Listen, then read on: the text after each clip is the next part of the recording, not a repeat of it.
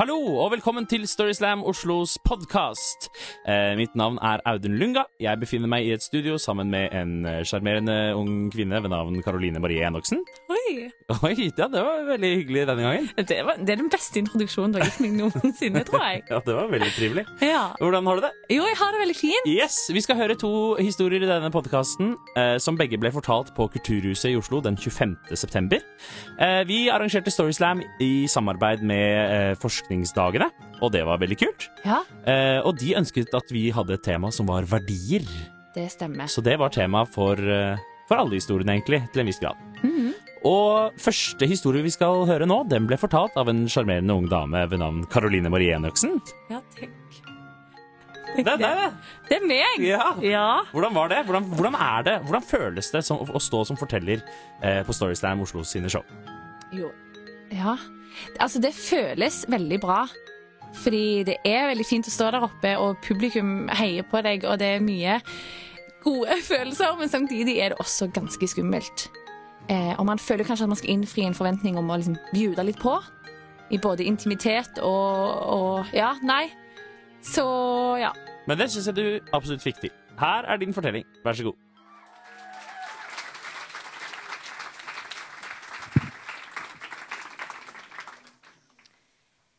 Det lukter en blanding av eksos, hormoner og Wonderbaum med jordbær. Lyden er kombinasjonen av rallingen til ei avkappa eksospotte og DJ Alligator Project som synger Open up, put it in, let's begin. Etterfulgt av et heftig teknoriff. Bassen den er dyp og høy og kan høres fra flere hundre meter ned i gata før den røde Toyota Celicaen. 1990-modell med spoiler og blankpolerte felger kommer til syne. For de av dere her inne som kanskje ikke har sett en Toyota Celica 1990-modell, ja, så er ikke dette en sportsbil av typen Porsche eller Alfa Romeo, men mer en bil som skulle ønske at han var nettopp det. I denne lyden, i denne lukta, i baksetet på denne Toyota Celicaen, sitter jeg. Jeg er 15 år og på toppen av livet. Jeg har nylig blitt fast baksetejente i rånegjengen. Gjengen med de kuleste guttene som brukte kveldene sine på å markere territorium ved å cruise strekningen fra Statoilen på Forus opp forbi Gautsetehallen og til rundkjøringen ved Nato. Gjengen som for meg var inngangsbilletten til popularitet og respekt. Og ikke minst gratis sigg, Coca-Cola og Ring kontantkort. Som var det disse guttene betalte oss for å være fast inventar i baksetet. Og det å være fast inventar i baksetet, det var helt greit, det, altså. Ei stund. Men jeg visste etter hvert at jeg var meint for større ting. Jeg visste at jeg hadde potensialet. At jeg var forsetemateriale. Jeg kunne se det for meg. Misunnelsen til de andre jentene og for så vidt guttene når jeg ble plukket opp i skolegården mens de måtte ta bussen. Eller enda verre gå.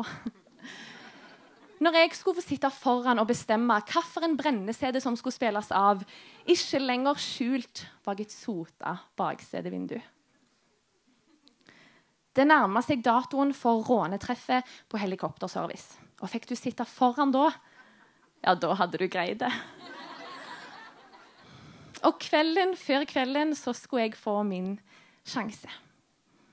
Alle vi som satt på i bilen denne kvelden, var aktuelle kandidater til forsetespotten. Dette var med andre ord min audition. Og jeg hadde forberedt meg godt. Jeg hadde tatt på magetopp, jeg hadde akkurat passe ettervekst, og jeg hadde joggebuksa mi sånn perfekt stapp ned i sokkene. Jeg hadde komplimentert sjåføren sine forbikjøringer, suben han hadde i bagasjerommet, og den elektriske takluka. Jeg hadde røykt akkurat passe mengde sigaretter, og jeg hadde liksom dabba med hodet mitt i akkurat passe takt til musikken. Vi hadde kjørt fra Lura til Mariero og tilbake igjen. Syv ganger.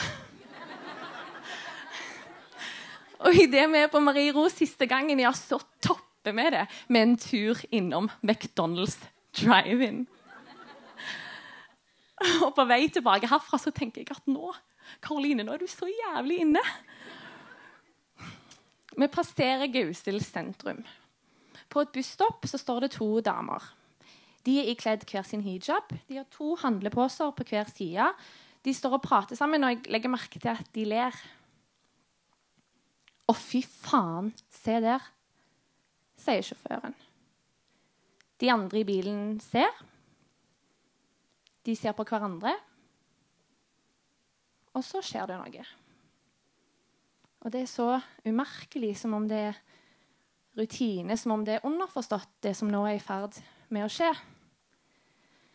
Sjåføren kjører videre, men snur idet han kommer til nærmeste rundkjøring.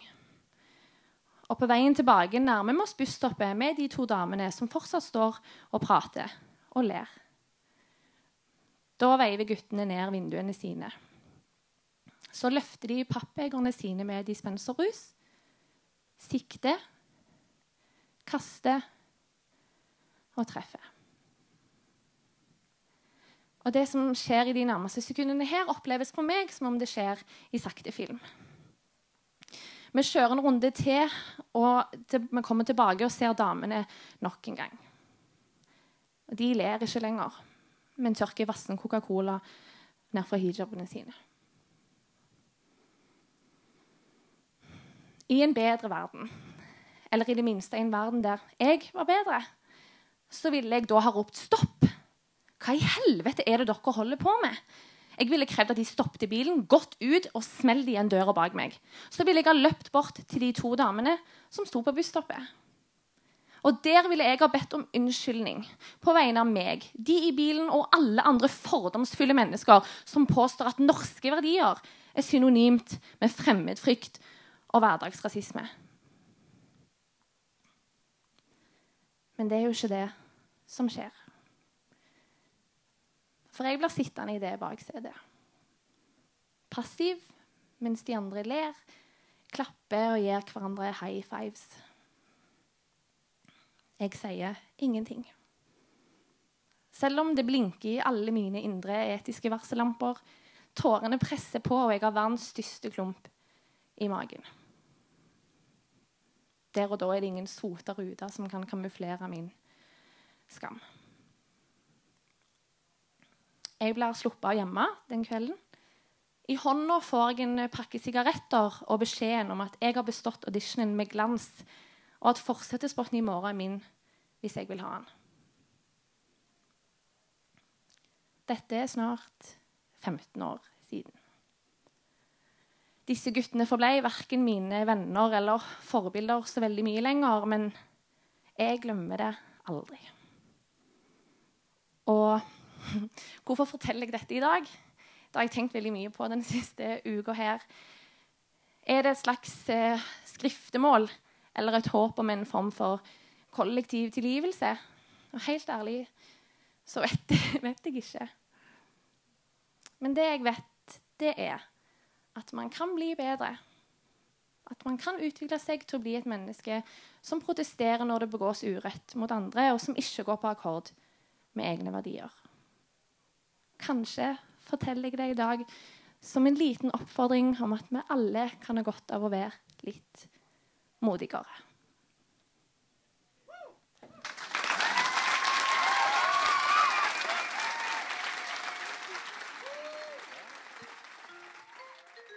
Tusen takk til Karoline.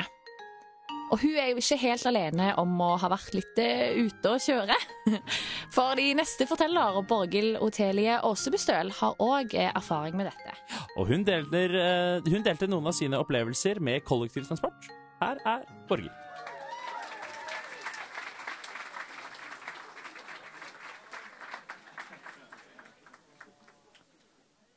Her om dagen ble jeg seksuelt trakassert på trikken tror jeg. Det var ikke helt godt å si. Det var ganske fullt. Eh, jeg satt her. Eh, og så satt det ei veldig hyggelig jente ved sida av meg her. Hun hadde latt meg få sitte her. hun hadde flytta veska si og alt. Og så var det, altså det var folk helt fram, og det var folk helt bak. Og jeg satt nå der. På trikken. Og gjør det man gjør på trikken. Og plutselig så var det en tisselur på skuldra mi.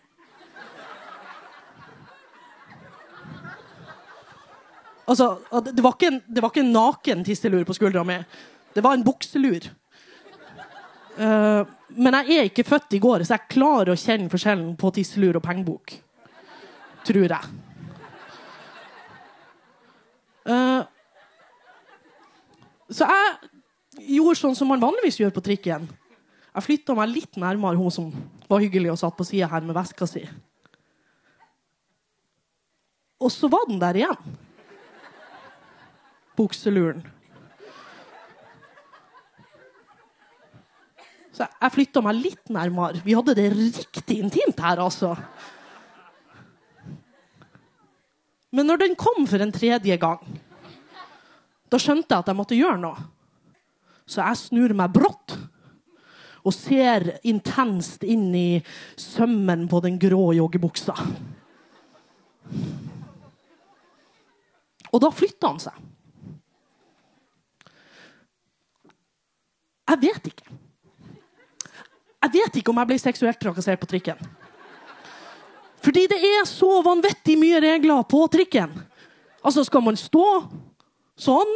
Skal man stå sånn? Er det lov å stå sånn? Altså, Trikken er jo en evig serie med tilfeldige lapdances. Det er så mye regler! Det er regler for hvordan du viser at du kommer av trikken, ja, nå begynner jeg å kle på meg hansker, ta på meg lua, sette meg litt opp. Ikke sant? Hvis du gjør det for tidlig, det er flaut. Og så er det regler for hvem du skal røyse deg for. For at alle vet jo at man skal røyse seg for gamle damer, men er de ikke gamle nok, så blir de jævla sur. Og så her komplisert var det ikke når jeg vokste opp. På Ulsvåg gikk det to busser. Rakk du ikke den ene, tok du den neste. Bare sju timer ventetid. Du gikk på bussen. Du betalte. Bussjåføren visste jo hvor du skulle. Det var jo bare ett stopp. Du gikk eh, bak minibuss. To seter til venstre, én seter. Satt deg ned. Her velger du. Skal du hvile eller prate? Velger du å prate, så prater du med sjåføren, for han er den eneste som er der. Velger du å hvile, så er det bare å slappe av, for sjåføren vet jo hvor du skal, så han vekker deg jo når du er framme. Hvis det regner, hjelper det å være litt mer spesifikk. Jeg skal til han Jonas, for da kjører han deg til døra. Det her er det jeg kommer fra. Og jeg har bare bodd i Oslo i to år. Og det er jævla komplisert, folkens. Jeg husker, jeg husker, så sykt godt første gangen jeg skulle til Oslo. Jeg var 18 år. Jeg skulle snart begynne å studere. Ja, Det var første gangen jeg var i Oslo. Jeg kødda ikke. Det er helt sant. Det var derfor jeg for, for at jeg skulle kunne si at jeg hadde vært i Oslo.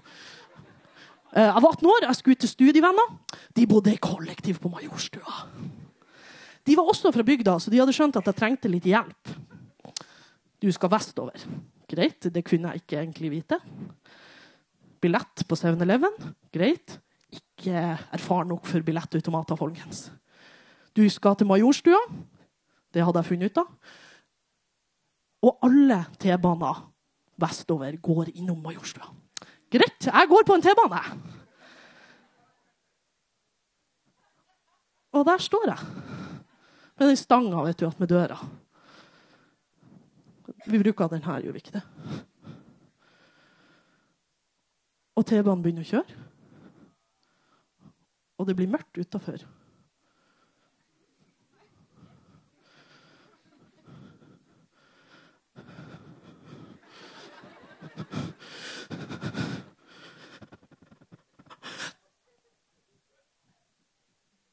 For de som ikke skjønte det, så slutta jeg å puste. Tårene begynte å trille. Tankene hadde gått all the way out there.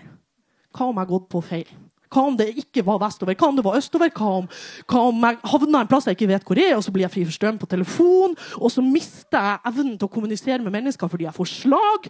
Og, og da må jeg jo bo i Oslo, da, for det må man jo. Og når man bor i Oslo, jo, da begynner man med heroin.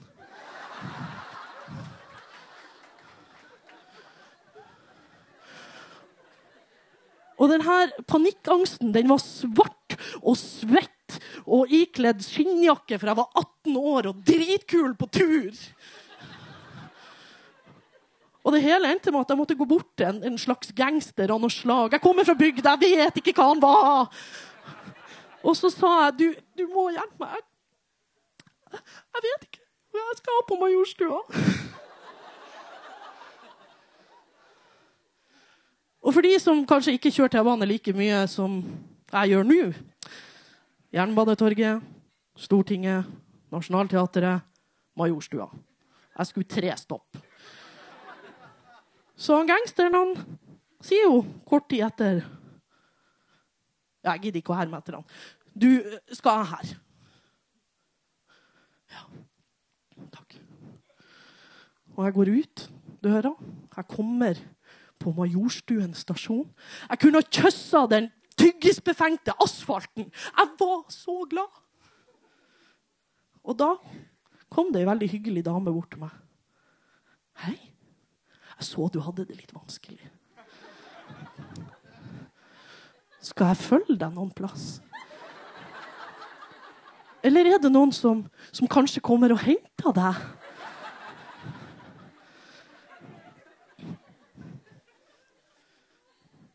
Og jeg har tenkt litt på her dama da, og den der gangsteren. Og så tenker jeg som så at de var jo veldig trivelige med et rødhåra togvrak på T-banetur for første gang. Så jeg tar med meg den tanken, de verdiene, om dere vil, når jeg tenker på han der stakkaren i grå joggebukse. Han hadde rett og slett ikke lært at man ikke legger bukseluren sin på skuldra til fremmede på trikken. Takk for meg.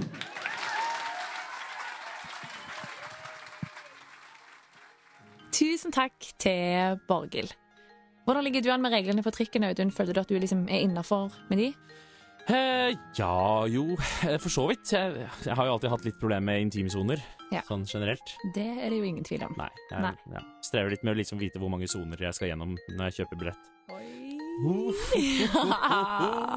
Yes, ok.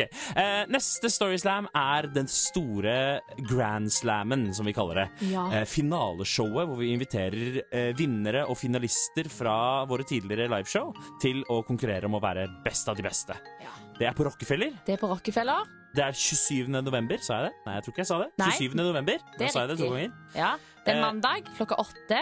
Og det blir kjempe, kjempekult. Blir vi skal det. fylle Rockefeller, håper vi i hvert fall. Ja.